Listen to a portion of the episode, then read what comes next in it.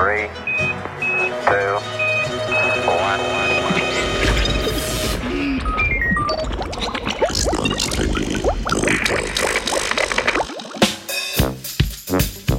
Večno mladi Miškolin.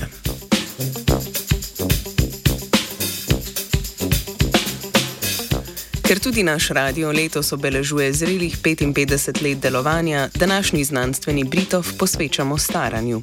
Ameriški raziskovalci in raziskovalke so namreč odkrili obetavno metodo za upočasnitev celičnega staranja z uporabo kar-te celične terapije, sicer obetajoče terapije za zdravljenje nekaterih rakavih obolenj.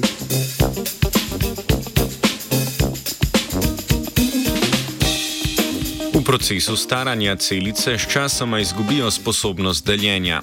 Takšnim celicam pravimo senescentne celice. Imunski sistem mladega človeka lahko takšne celice učinkovito prepozna in odstrani. A s staranjem organizma imunskemu sistemu upade učinkovitost, kar se odrazi tudi v nakopičenju senescentnih celic. Nakopičenje takšnih celic povzroča unetne procese, kar predstavlja za organizem stres in vodi v vedno večje poškodbe različnih organskih sistemov.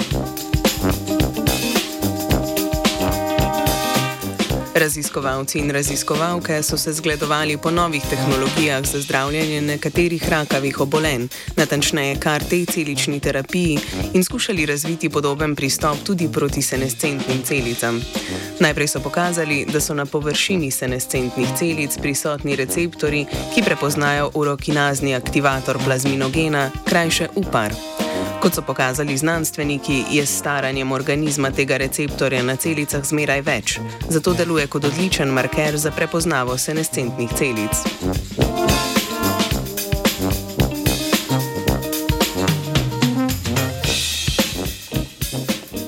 Na to so z uporabo tehnologije rekombinantne DNK pripravili kar te celice, ki na svoji površini izražajo prilagojen receptor, ki prepozna molekulo UPAR na senescentnih celicah. Uspešna prepoznava pa povzroči uničenje oziroma lizo senescentnih celic in jih tako odstrani iz organizma.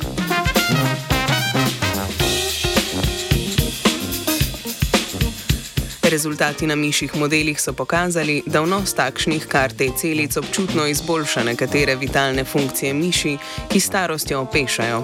Raziskovalci so še posebej pokazali ugodne učinke na presnovo glukoze in splošne presnovne sposobnosti celice, katerih poslabšanje je značilen marker staranja organizma.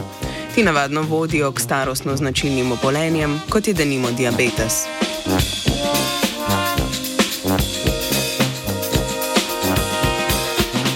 Rezultati raziskave so pokazali, da so učinki tovrstne terapije s kartej celicami, za razliko od dosedaj poznanih terapij, ki temeljijo na uporabi malih organskih molekul, precej dolgoživi.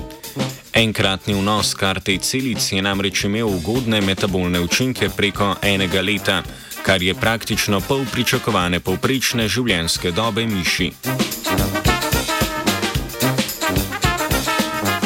Eliksir mladosti si je ubrizgal uroš. Radio študenti je najboljši radio. Yeah!